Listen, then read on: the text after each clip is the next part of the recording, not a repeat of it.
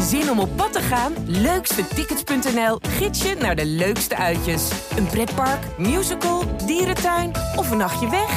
Start je zoektocht op leukstetickets.nl. Hallo lieve mensen, ik ben Emma Curvers. Jullie hebben net naar het verhaal Liefdesbrieven van een kampeul geluisterd. Ik zit op de Volkskrant-redactie met auteur Rick Kuiper en Fokko Detmer, de hoofdpersoon van het verhaal. En dat is heel bijzonder, want Fokko heeft tot nu toe alle interviewverzoeken over dit verhaal afgewezen. En hij komt vandaag nog één keer met ons samen nabespreken.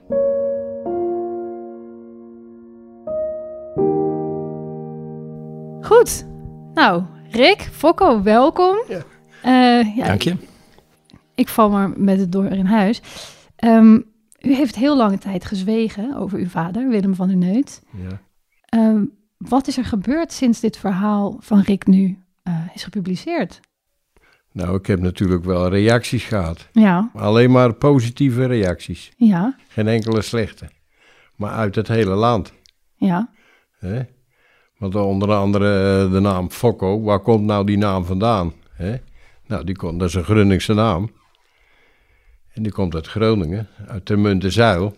En daar heb een Fokko Kruizer ge- gewoond, of die is daar geboren. En daar heeft mijn moeder, die is daar verloofd mee geweest. Ja, daar bent u Voordat naar ze- vernoemd, hè? Voor, daar ben ik naar vernoemd. Dus voordat ze Van der Neut ontmoette, was ze verloofd met Fokko Kruizen. Maar die is omgekomen bij een bombardement in Soesterberg.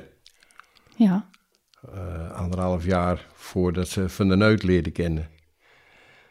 Maar ja, toen ik geboren werd, toen heeft ze de naam Fokko gegeven. Want ja, ik neem aan dat het het eerste jongetje is geweest. Hè? ja, Ja, daar heeft ze goede herinneringen aan en eh, vandaar de naam Fokko. ja. En daar kreeg u reacties op ook. Ja, dan kreeg ik ook reacties uit Groningen. Omdat Ja, die mensen wisten daar iets van. van ja oh, die, die, een tante van Fokko Kruizen. Ja, Daar heb ik, die heb ik een berichtje van gehad. En eh, we gaan elkaar ook wel ontmoeten. Maar ze zegt, ja, oh, wat is het nou jammer dat mijn zuster dat niet meer eh, geweten heeft. Hè? Dat jij nog leeft. ja. Ja. Dus en nou, maakt- via dat krantenbericht kwamen ze daarachter. Ja. En u krijgt vooral positieve reacties. Zegt u, is dat dan een opluchting nu voor u? Nee, ja, in, in feite wel. Want ik had ook wel hele slechte eh, berichten kunnen verwachten. Hè? Ja. Dat, is, dat is ook wel gebeurd. Dat is, eh, ja, dat is al voor die tijd dat ik eh, Rick leerde kennen, is dat al gebeurd op de tennisclub. Want er heb ooit een stuk gestaan in de Amersfoortse krant. Ja. En toen waren we aan tennissen en toen waren we koffie drinken. En toen zei Welk hij- jaar hebben we het hier over ongeveer? Jaren vier, vijf geleden. Oh, oké. Ja. Oké. Ja, nadat jij de brieven bij het NIOD had afgegeven, toch? Ja. Toen stond er een stukje Ja, in de Amersfoortse is- Courant. ja, met naam en toenaam. Ja. En dat had iemand, een journalist geschreven, maar die heeft helemaal geen contact met mij gehad. Die, dat stond er zo ineens, stond dat in de Amersfoortse krant. Ja. Nou ja, die wordt veel gelezen natuurlijk in Woudenberg. En toen? Hè? Nou ja, toen was er op de tennisclub eh, iemand eh, die zei... Fokko, was jij dat met je moeder? Dat kleine jongetje op die foto. Mhm. Ik zei, ja, dat was ik. Hè? Hij zei, joh, dat is wat. En dan kijk je zo in het rond en dan zie ik dat er één... Er zat één man bij, nou die was als door een wesp gestoken, joh. Die vloog overeind. Die denkt, hé, hey, wat is dit? Ja, dan weet je niet waarom. Ik heb het hem ook niet gevraagd. Maar die is nooit meer op, die, op de dinsdagmorgen op tennissen geweest. Echt waar? Ja, dat is echt waar. Dus ook nu speelt het nog. Ik heb altijd een muur om me heen gebouwd. Ja. En daarom heb ik eigenlijk een fijn werkend leven. Ik heb een heel goed leven gehad. Ja. En nog. ik heb nog Gelukkig. een goed leven. Ja, gelukkig. Ook ondanks deze de stukken in de krant. Ja. Maar ik heb altijd gedacht van ja, een muur om me heen bouwen. Ik wil niet iemand in mijn werkend leven. Want er zijn een aantal mensen die denken, hé, hey, wacht eens even. Die moeten we niet aannemen als je ergens solliciteert. Of ik noem maar wat op, hè. Ja. Of tijdens je werkzaamheden. En u denkt dus eigenlijk dat uw, uw carrière had er heel anders uitgezien als u die muur niet had gehad. Ja, dat denk ik wel, ja. Ja. Ja, Ja. want dat kun je onder andere, is dat ook te merken toen ik in eh, gekeurd werd voor militaire dienst. Dan zaten we met een stuk of 18 of 20 jongens uit Soest, gingen we naar Utrecht, naar de keuring. Ja. En eh, nou ja, zit je in de trein te praten en geen van die jongens die wilden in dienst. En u ik wil- wel? En ik wilde hartstikke Ja. graag in dienst. Ik wou graag bij de marine, want vader vond ik heel mooi. Nou, dan werden we allemaal gekeurd en de rest van die jongens werden allemaal goedgekeurd. En ik was de enige die afgekeurd werd. Ja. Ik werd niet goedgekeurd. Waarom, Nee. dat weet ik niet. Nee, maar u had het vermoeden, dat, dat stond ook in Ja. het verhaal van Rick natuurlijk, Ja. dat dat ermee te maken had Mijn moeder met de heeft dat tegen, me, eh, tegen mijn vrouw verteld. Van ja, dat kan wel eens zo zijn, ja. Ja. En zat u dan nog in spanning toen dit, dit verhaal nu naar buiten kwam van wat zal ik nu voor reacties krijgen? Nee, nee, heb ik niet over, nee. Dat toch niet? Terwijl Nee. op die tennisclub, dat, dat moet toch Ja, ook maar dat... pijn gedaan hebben voor u? Nee hoor. Nee, ik, je kan dat wel verwachten. Ja, Tenminste, als je er gewoon nuchter over nadenkt, dan Ja. kun je dat verwachten. ja. Er zijn nog steeds mensen, en er zijn ook kinderen van mensen die mijn vader heeft doodgeschoten. ja. Hè? Dat kun je nooit vergeten.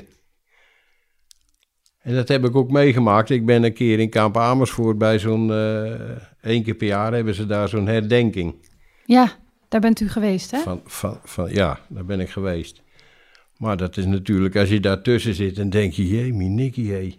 Ik hoop niet dat mijn buurman wat aan me vraagt, of mijn buurvrouw. Van, joh, ben jij hier een vader verloren, of weet ik wat. Want ik kan moeilijk zeggen, nee, mijn vader heeft er een paar doodgeschoten. Dat is toch moeilijk? Ja, Dan voel je je eigenlijk helemaal opgelaten tussen die mensen. Dus daar hebben we later gezegd, dat moeten we niet meer doen. nee, dat voelde niet als uw Nee, plek vo- dan om voel daar je- te zijn. Onheimlich, Ja. zeggen ze wel eens. Hè? Ja. Ja. Maar u heeft die liefdesbrief op een gegeven moment uit huis gedaan. U Ja. wilde ze niet meer hebben. Nee. U dacht, streep erdoor. Ja. Waarom nee, deed- niet de streep erdoor. Waarom deed u ze weg? Dat ik ze niet meer in huis wilde hebben. Ja. Want ik kan moeilijk mijn kinderen daarmee opzadelen. Want? Hè? Nou zou ja, er dan gebeuren? Dan, dan hebben die, die hebben daar ook helemaal niks mee te maken. Dat is weer een volgende generatie. Hè? En het was niet voor uzelf En dat u ze wegdeed. Nee, ik heb zelf gedacht toen, eh, toen ik die brieven allemaal aan het NIOD schonk. Van Ja. nou, nou liggen ze daar veilig. Ik heb daar ook eh, gekeken. Jij bent er ook geweest, hè? Ja. Hebben we het gezien hoe dat papier allemaal opgeslagen wordt? Nou, dat ligt er helemaal veilig. Ja. Alleen ben je een van de honderdduizenden. Hè? U dacht niet, daar, dat wordt nu een verhaal van de 20.000 woorden Nee. straks. Nee, dat denk je niet van tevoren over Nee. na. Helemaal niet. Nee. Ik heb toen gedacht, toen ik het bij het NIOD gebracht had... nou ben ik er vanaf. Nou kan ik er een streep onder zetten en nou is het klaar. Ja. En toen kwam nou, ik. en twee Toen jaar, kwam later, Rick. Ja. twee jaar later Ja. of drie jaar later eh, neemt Rick eh, contact met mij op. Ja. Nou ja, eh, ik zeg, kom dan hier eens maar eens een keer naar... want ik wil wel weten wat voor vlees ik in de kaart Dat, dat heb. snap ik. Want Rick, jij kreeg die brieven uit handen van een NIOD-medewerker. Zag je meteen, dit is een verhaal en ik moet Fokko nu gaan opzoeken? Eh, nou, toen die NIOD-medewerker zei van eh, de liefdesbrieven van een kampul liggen hier, toen begon het wel meteen te knetteren bij mij. Toen dacht ik van dat de- er zit zo'n contrast in die, in die paar woorden, daar, daar wil ik wel meer van weten. En eigenlijk voordat ik die, volgens mij voordat ik ook maar een brief gelezen had, heb ik bij het NIOD gevraagd van ja, kan ik in contact komen met eh, degene die die brieven geschonken heeft. Ja.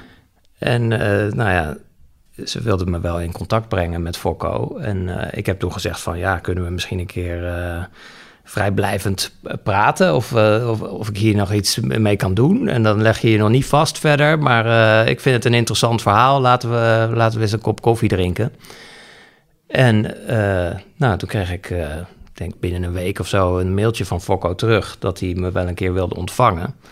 En toen pas hoorde ik eigenlijk, toen ik daar eh, aan de koffie zat in Woudenberg, dat Fokko's verhaal ook nog heel mooi was. Dat het dus niet, dat het niet alleen dat verhaal van Willem van der Neut was wat interessant was, Ja. maar dat, dat die, die volgende generatie, dat, dat, dat daar ook nog een heel verhaal zat eh, met heel veel ongemak en, eh, en leed van Ja. hoe je dat nou moet verwerken.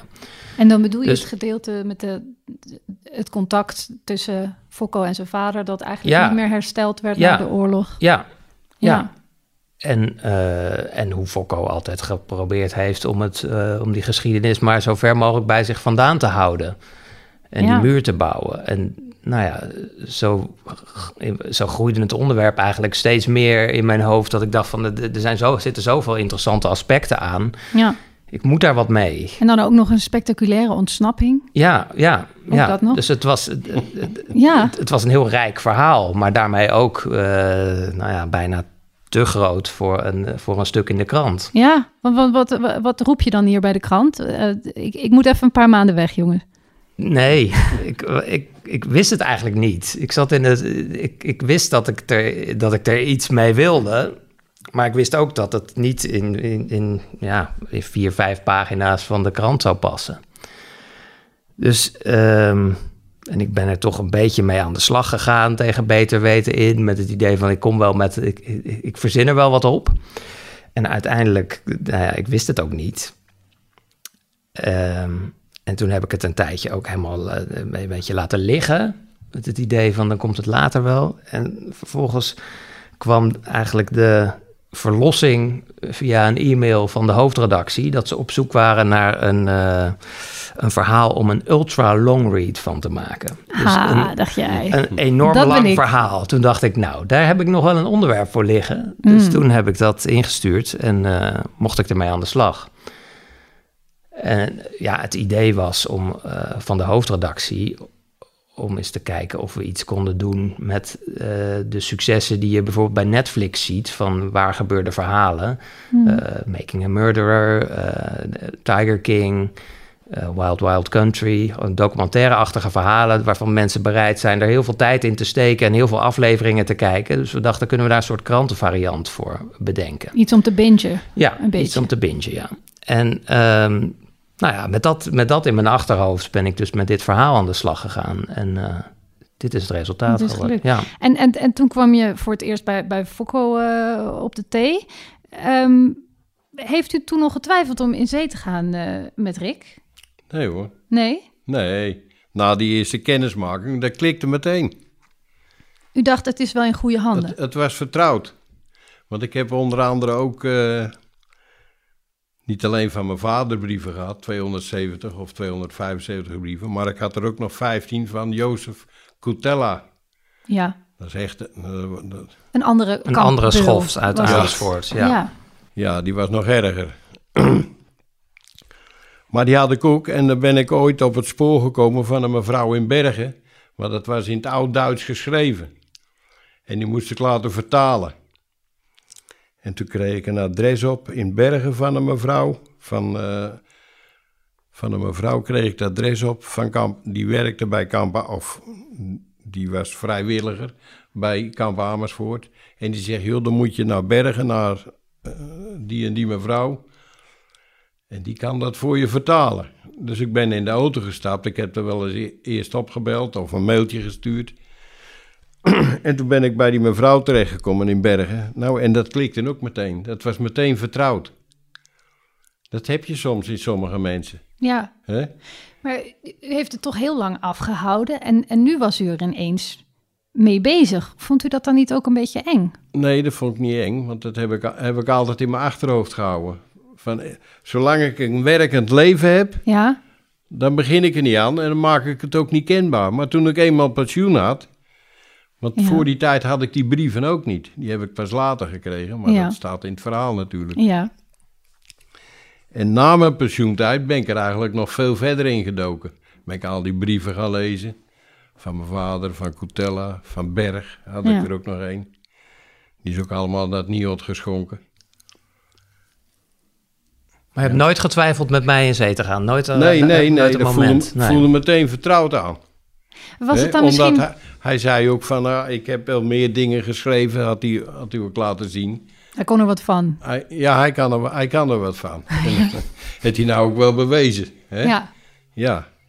U dacht, Nee, dat is zo. Maar was het dan misschien ook wel een beetje handig voor u dat u dan een journalist eigenlijk bij de hand had die met u zou gaan speuren naar dingen Ja, dat- zoals bijvoorbeeld die halfbroer, hè, Dirk, die, die nog in het verhaal Ja, dat, opduikt? Dat is heel handig als je zo'n kruiwagentje bij je hebt. Ja, toch? Want die maakt deuren voor je open, die voor jezelf niet open gaan. Ik heb contact gehad met Winschoten, hè, of eh, gemeente, heet een andere gemeente is dat, maar daar valt Winschoten nou onder. Ik heb contact gehad met de burgemeester van Oeslaar. Maar dan krijg je, die komt daar niet binnen, omdat ik kan niet bewijzen dat ik Fokko een zoon van, van de Neut ben. Ah, Dat kan ik niet bewijzen. Dat kan ik nou nog niet. Nee, want u heeft de naam aangenomen Hè, dat van... is alleen uw- maar uit die processen verbaal kun Ja. je dat halen. En mijn geboortebewijs, die heb ik wel. Want heb ik, ik ben geboren als Fokko Lucie. De naam van mijn moeder, Ja. niet van de neut. Die, zo heb ik nooit gegeten. En later kreeg u de naam van de nieuwe echtgenoot van uw moeder. Ja. En, Ja. en dus kon u niet goed terecht met die naam. U had eigenlijk een soort detectieve nu ineens aan, aan de hand. Ja, bij wijze van spreken. Ja, Maar die weet, die weet ook andere wegen te bewandelen. Ik, wij weten dat zelf niet. ja, Dat is net zo goed als het Nationaal Archief. En dan heb je nog zo'n bureau waar ze al die dingen opslaan. Maar daar kwam ik ook niet binnen. u had ineens een zoeklicht Ja, bij de hand. ja. Ja. En toch, uw, uw vragen verschilden wel een beetje van, die, van de vragen die Rick in het verhaal zelf eh, stelt. Hè? Jullie hebben eigenlijk andere lijnen. Zou je eens kunnen uitleggen, Rick, eh, hoe dat verschilt? Nou, ik denk dat Fokko was vooral eh, op zoek naar zijn eigen geschiedenis. Ehm, en wie zijn vader nou eigenlijk was. En bij mij speelden daar ook weer allerlei vragen van... ja, hoe word, je nou, hoe, hoe- word je nou van een gewone meubelmaker een kampbeul? En hoe, menselijk, eh, hoe menselijk is zo iemand? En ehm, hoe moet je nou zo'n kampbeul eh, beoordelen? Wat mag, je, wat, mag je met hem meeleven of mag dat niet? En dus... ehm, nou ja, dat waren, de, dat waren de wat meer filosofische vragen die ik ook wel wilde beantwoorden. En dat vulde elkaar denk ik heel mooi aan, omdat je daardoor een, een, een heel persoonlijk verhaal kreeg, maar wel met nog een paar lagen daaronder. Ja. Ja, want je bent in het verhaal eigenlijk wel de hele tijd bezig om te kijken van... kan ik hem nou in zo'n laadje passen, in, een- in een goede, tot de goede mensen rekenen of de slechte mensen? Ehm, waarom is die vraag zo belangrijk? Nou, ik merk bij mezelf dat je, ehm, dat je als je nadenkt over, je, over hoe je zelf zou reageren in zo'n oorlogssituatie, dat je heel erg geneigd bent om jezelf maar meteen in het goede laadje te stoppen. Mhm. Om er maar vanuit te gaan dat je waarschijnlijk wel bij de goede zal horen. Maar zo vanzelfsprekend is dat niet. En ik vind het dan wel interessant om dat te onderzoeken, van hoe dat, dat schijnbaar normale mensen eh, toch verschrikkelijke dingen kunnen doen in de oorlog. En waarom dat dan zo is. En, nou ja, daar heb ik ook niet echt antwoord op gevonden. Maar ik vind het wel, het is, het is wel relevant om daarbij stil te blijven staan. Dat, eh, dat je onder andere omstandigheden misschien een heel ander mens bent dan je denkt te zijn. Ja, en die conclusie trok je ook over jezelf dan eigenlijk? Ik durf, ik durf eigenlijk geen conclusie over mezelf te trekken. Of ik goed zou zijn in de oorlog. Ja, ik zou, ik zou heel graag zeggen dat dat zo is. Maar ja, ik denk dat je door dit soort verhalen... eh, eigenlijk moet concluderen dat je het pas weet als het zover is. Je moet het eigenlijk open houden. Nou, misschien wel. En je moet, maar en wat ik in mijn, uit mijn gesprekken met Gaia Polak wel heel interessant vond, was dat, zij zegt van, vergeet niet dat je wel de keuze hebt. Dat je het dus niet, je, dat je, eh, zo'n Van der Neut, die heeft zich bewust aangemeld bij de Waffen-SS. Mhm. Op een moment dat hij al wist dat Rotterdam gebombardeerd was. En hij wist dat er al maatregelen waren eh, tegen de Joden. Dus, ehm, en dat had hij niet hoeven doen. Dus er zijn wel momenten waarop je op een kruispunt staat. Van welke kant ga je nou Hmm. op? Ga je de goede kant op of ga je de, ga je de verkeerde kant op? En ik, ja, ehm, dat is belangrijk om dat, om dat ook te beseffen. Ja. Ja, je bent in dat verhaal eigenlijk de hele tijd aan het eh, zoekende, hè? van in hoeverre iemand dan Ja. een product is van eh, zijn verleden en in hoeverre iemand zelf eh, de hele tijd kiest voor, dat, voor het kwaad, zullen we Ja. maar even plechtig zeggen. Ehm, ja, voelde je dan ook een, een verantwoordelijkheid naar eh, overlevers van de Holocaust, nabestaanden, zoals eh Gaia Polak ook bijvoorbeeld, om dat heel precies eh, te, te beantwoorden, die vraag? Nou, in zekere zin wel. Ehm, ik worstelde er gewoon heel erg. Het, het begon, mijn- worsteling begon vooral bij, tijdens het lezen van die, van die brieven.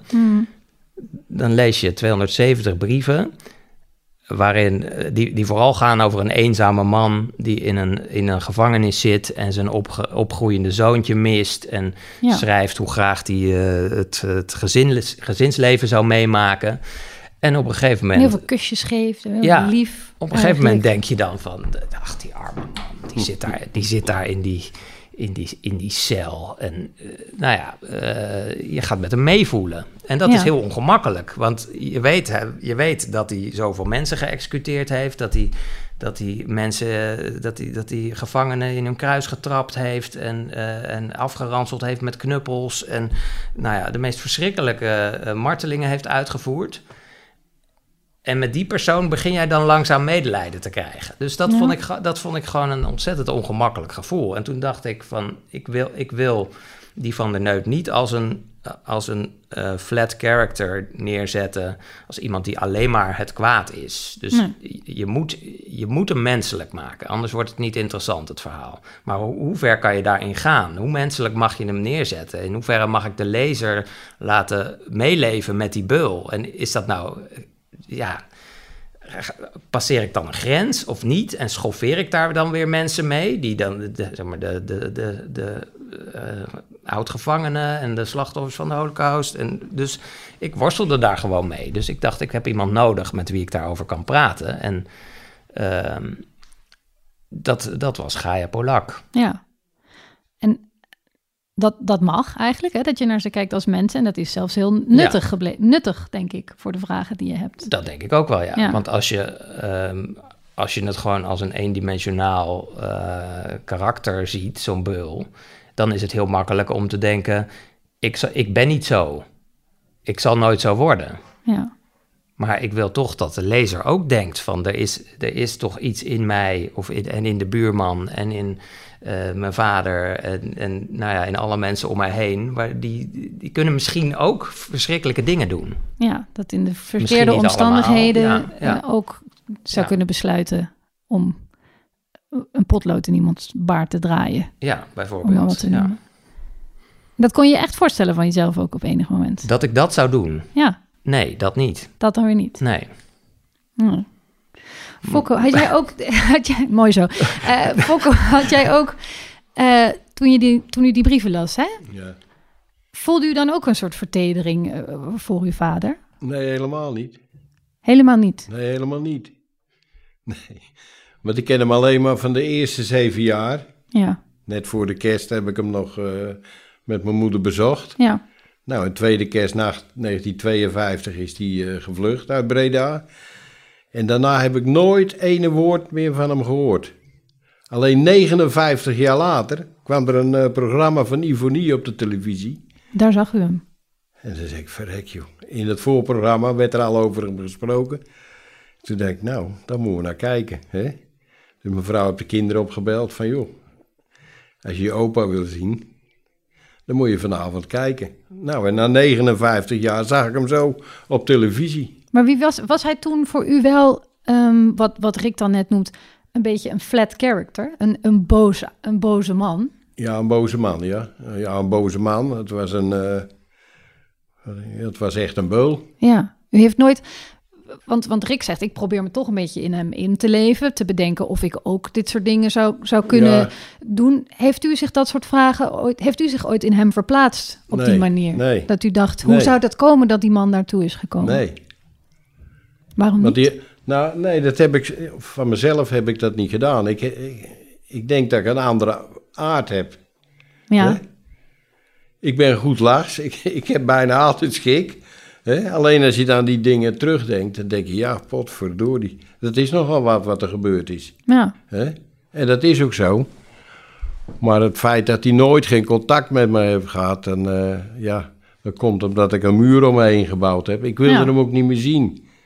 maar u heeft hem daarmee dan wel van u afgeduwd. Ja. Hoe, hoe was het dan dat Rick eigenlijk nu de vraag ging stellen... was het misschien ook een man met, met lieve kanten? Ja, maar dat, Hoe was dat voor Daar u? wilde ik ook wel achter komen. Ja. Dat was eigenlijk het enige wat ik nog wilde weten. Hoe heeft hij geleefd, die 30 jaar, nadat hij ontvlucht is? Ja, Nou, daar zijn we achter gekomen middels eh, Rick. Die is op het spoor gekomen van Dirk, ja. van zijn zoon. Wat niet een echte zoon was, nee, maar... dat bleek... Hè? Een stiefzoon. Maar die heeft, die heeft verteld van, nou ja, ik heb er, ik, een betere vader kon ik niet treffen. Nee. Nou, alleen dat gezegd hebbende, was ik al tevreden. Waarom was u daarmee tevreden? Nou, dan denk ik, hij heeft toch een andere kant gehad. Ja. Hij heeft zich wel altijd achtervolgd gevo- ge- gevoeld. Dat is ook wel uit die gesprekken gebleken. Maar dat, dat, dat gevoel heb ik ook. Heb ik ook gehad.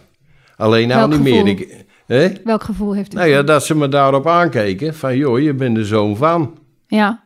Hè? En nu is dat, dat heb niet ik meer zo. altijd afgehouden. En nou is het bekend. Ik ben, nu ben, ik ben er eigenlijk wel klaar mee nu. Voelt u dan ook een soort bevrijding daardoor? Ja, Een opluchting? Ja een opluchting. En, en ik ben... Mevrouw zegt ook, je bent veel rustiger geworden. Ja? Ja, Sinds wanneer? hè? nou sinds een stuk in de krant gestaan Ja? heb. Ja. Ja. Dus dat is Wat, toch wat is er dan veranderd? Voor u? Ja, wat is er nou veranderd? Niet zoveel, want het, het feit dat ik hier nou zit... blijkt dat, het toch nog, dat ik er toch nog mee geconfronteerd word. Ja, Hè? Dat, zo, het is eigenlijk heel simpel. maar het is nu out in the open, we maar zeggen. Ja, ik, ik kan er ook eh, open over praten. Maar omdat we dat... We zijn daar geweest en dat heeft me een hele... Dat heeft me voldoening geschonken. Laat ik het zo maar zeggen. En juist om te horen dat hij een goede vader was, dat Ja. vond u prettig. Ja, dat Want u ik... zou ook boos... Ik kan ik- me ook voorstellen dat je boos wordt. Dus je denkt, ja, potverdorie, waarom ben je voor mij geen goede vader geweest? Ja, ja, maar dat was, dat was zijn keus, maar dat was ook de keus van mijn moeder. Ja, Mijn moeder had de keus, je kan naar Duitsland gaan met het jochie. Hè? Naar Oeslaar, we zijn er nou geweest. Dan denk ik, nou, ik ben maar blij dat ik in Woudenberg woon. Ja, Mooi stadje toch? ja, mooi stadje. Maar daar had alles anders geworden natuurlijk. Hè? Alles, alles had anders gegaan. Ja. En net na de oorlog, hij had natuurlijk ook nog wel de kans dat hij ooit nog een keer gepakt werd. Want als ik nou stukken lees, dat hij in de 82, dat is nog geen eens zo gekke lang geleden. In 82 hebben ze nog geprobeerd om hem eh, naar Nederland te krijgen. Mislukt. Ja, hij zat nou. altijd een beetje op hete kolen daar, hè? Ja, Ja, Dat, kan ik me, dat kan ik me ook wel voorstellen. ja. Hè? En begrijpt u, begrijpt u nu meer van uw vader? Nee, ik begrijp, nee, daar begrijp ik helemaal niks van. Toch niet? Nee, Nee, maar ik denk dat het ook niet hoeft. Daar moet ik me ook niet in verdiepen. nee. Want dan kun je s'nachts niet rustig slapen. Als je dan wakker wordt, dan, dan maalt het maar door je hoofd heen.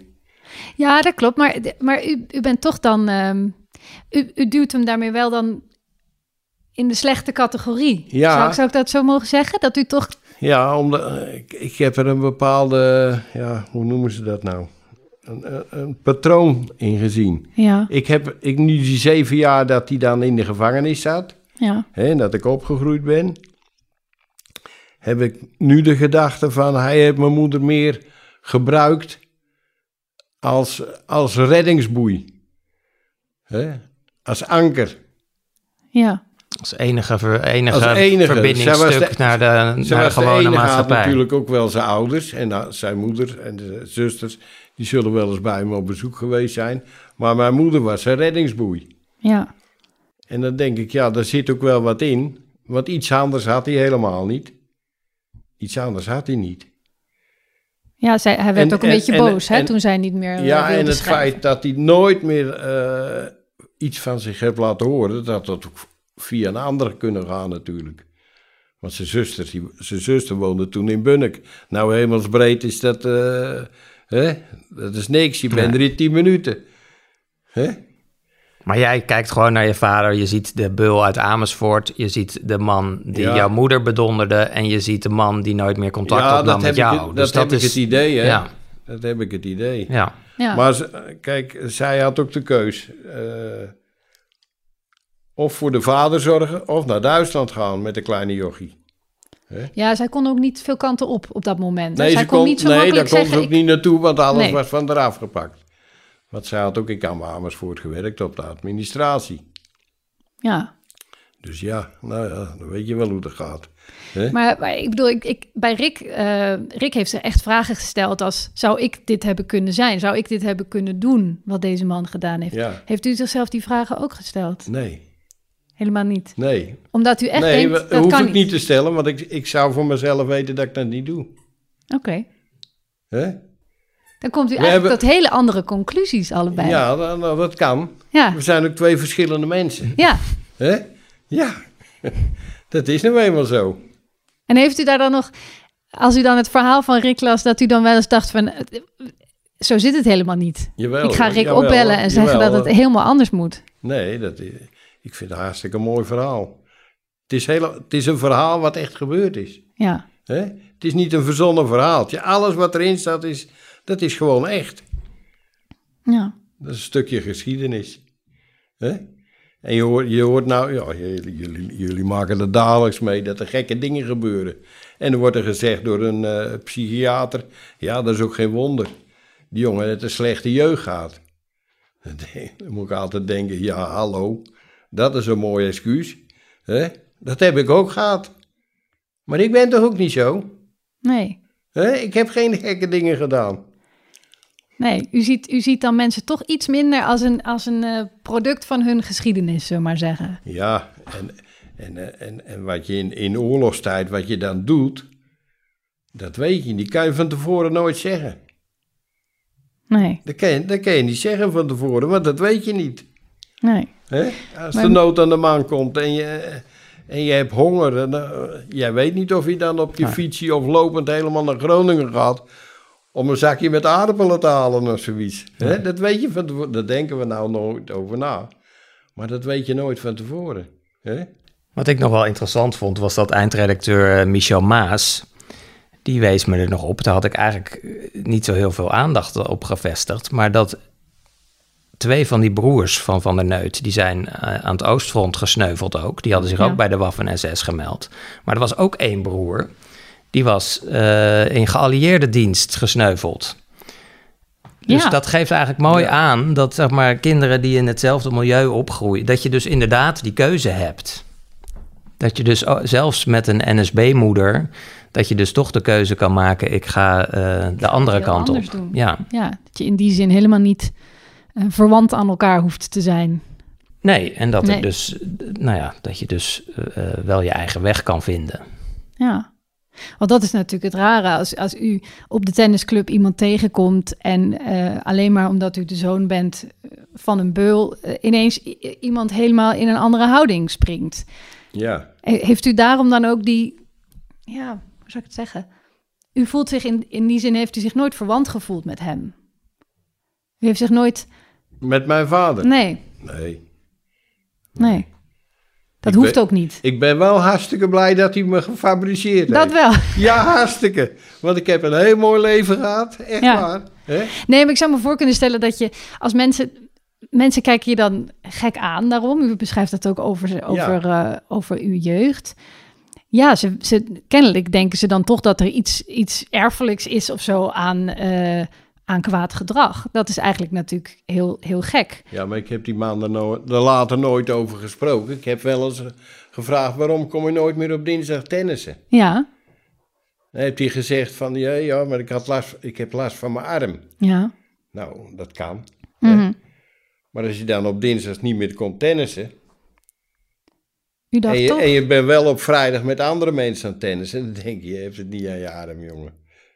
Zeg het nou eerlijk. Maar hij kan, hij kan ook wel ouders hebben gehad die, de, die op transport gesteld zijn. Dat weet ik niet. Ja. Ik ga het hem ook niet vragen. En heeft u daar dan, zou u daar dan begrip voor hebben dat iemand daar zulke negatieve Ja, dat- associaties misschien maar heeft? Dat Ja, denkt, daar kan, ja, daar kan ik wel begrip voor opbrengen. ja. Maar ja, dat, dat, dat is zijn... eh, ja, En u denkt dan toch, het komt dan toch daardoor, door ja het verhaal. zie ik zie je wel. Ja. eh, het, er is toch nog iets. Ook, ook na zoveel jaar. En nou heb ik een stuk in de krant gestegen. Nou, een heleboel mensen, daar kom ik nou achter. Die hebben het wel gelezen, maar die durven mij er niet over te benaderen. Die durven niet te zeggen van, joh, Hoe weet u dat? god, wat een verhaal. Nou, een paar mensen hebben dat al gezegd tegen mijn vrouw. Ja. Die zeggen, goh, zeg Mariette, hebben jullie dat en dat niet gehoord in het dorp of gelezen? Ja, dat, dat hebben we wel gehoord en gelezen ook. Maar ja, wat moeten we jou daarover vragen, zei ze. Nou, wilt u er nog over Dat praten met mensen? Nee, Staat hoeft- u daar? Nee, dat hoeft Of zegt u van nou, het verhaal is nu ook wel, eh Ja, het is, het is nu mooi geweest. verteld. Ja, het is mooi geweest. Het is verteld. Hè? Ja. En dat vond u toch belangrijk? ja, ik vond het wel belangrijk. Ook voor mezelf. Ook voor mezelf. Dan, ben ik, dan kan ik er een streep onder zetten. Ja, Dat heeft het u wel gebracht. Ja, dat heeft me wel gebracht. Ja, Maar dat je altijd achtervolgt, van, nou ja, dat, dat bewijst wel dat we nou hier weer zitten. Dan zitten we er nog weer over te praten. ja. Hè? Dan ben je 75 jaar verder. Maar je hebt wel de muur al afgebroken inmiddels. Ja, ja, de, ja. Was de Berlijnse muur ook, hè? Alles wordt weer afgebroken. Toch? ja, nou ja, u zit er toch gemakkelijk bij, moet ik zeggen. Het, het is niet... Het, ik, Ja, ik, ik, ik kan me er ook niet Voelt voor... het- Ik kan me er toch niet voor schamen. nee, precies. Ik kan er echt helemaal niks aan doen. Nee, Hè? En het is het verhaal van, eh, van mevrouw Polak, geloof ik, hè? ja. Dat die zegt van ja, die, eh, die Joodse, Joodse kinderen, die zijn overgebleven, maar hun vader en moeder, die zijn er niet meer. Die zijn weggebracht. En die hebben dat met zich meegedragen, terwijl, eh, ja, ze zijn als Joodse kind geboren. Daar kunnen die kinderen toch niks aan doen. En zo bekijk ik het van mezelf ook maar. Dat u ook maar gewoon geboren Ik ben gewoon geboren. Hè? En, nou, en dan kom je op de wereld. Ja, en dan maar de eerste zeven jaar van je leven. Zie je je vader alleen maar in de, in de gevangenis. En naarmate je dan ouder wordt. dan begin je wel te beseffen. Nou, er is meer aan de hand. Hè? Het enige waar ik mee geplaagd ben. dat is eigenlijk op de kleuterschool. toen ik voor het eerst naar de kleuterschool ging. Ja, Die kinderen, die ouders uit elkaar sprongen van nou, er komt iemand aan die, die is melaat, zo weet ik wel. Ja, ja. zo, En- dat zie en- ik nog voor me Want hoor. u zegt, u heeft toch een soort verlichting gevoeld. Is er dan nu toch een, een bepaalde schaamte van u afgevallen? Was die ja, er? Ja, of, ik weet niet of je dat schaamte moet noemen, maar ik heb het eigenlijk, ja. Ik heb er eigenlijk nooit eh, schaamte in gehad. Ik ben alleen maar bang geworden dat er tegen me gebruikt werd. Ja, dus dat legt u meer bij de anderen. Als zij dat doen, dan Ja. is dat... Ja. Ja, en, en als dat zo gebeurd was, dan is dat ook zo. Dat kan ik dan ook niet veranderen. Maar het is niet gebeurd. Nu niet, Nee, gelukkig. ik heb geleefd zoals ik geleefd heb, omdat ik de muur om me heen gebouwd heb. En dat ik dat niet gedaan had, had het misschien helemaal anders gegaan. Ja. Dat weet ik niet. Rick, wat, wat heeft jou het meest verrast aan, aan dit project? Ehm, nou, het meest bijzondere vond ik in ieder geval die ontmoeting die we met Dirk hadden. Omdat we ook geen idee hadden wie we zouden aantreffen. In op welke manier hij verwant zou zijn aan, eh, aan Van der Neut.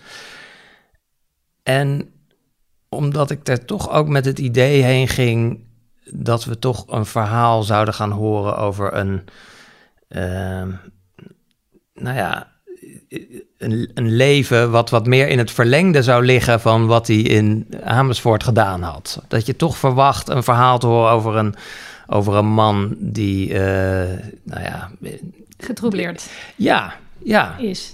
ja. Dus als je dan hoort dat, het, dat hij een hele goede vader geweest is, je kan je nog afvragen in hoeverre Dirk dat beeld oppoetst hoor. Dat hij eh, graag wil dat wij denken dat, eh, dat Van der Neut een goede vader was. Dat weet, Ja, ik, want al- je- dat weet ik niet. Maar Beschrijft ook dat kinderen van SS'ers dat wel eens doen. Ja. Hè? Iets eh, Ja. Ja. mooier ja, maken. goed praten. ja, Ja. ja. Maar nou ja, dat vond ik toch wel ver- verrassend om te horen. Dat, dat, en ik begon me toen ook af te vragen wat ik nou, wat ik nou eigenlijk hoopte over die, over die, eh, die 30 jaar waarvan niks bekend was van. Dat die tweede helft van het leven van Van der Neut.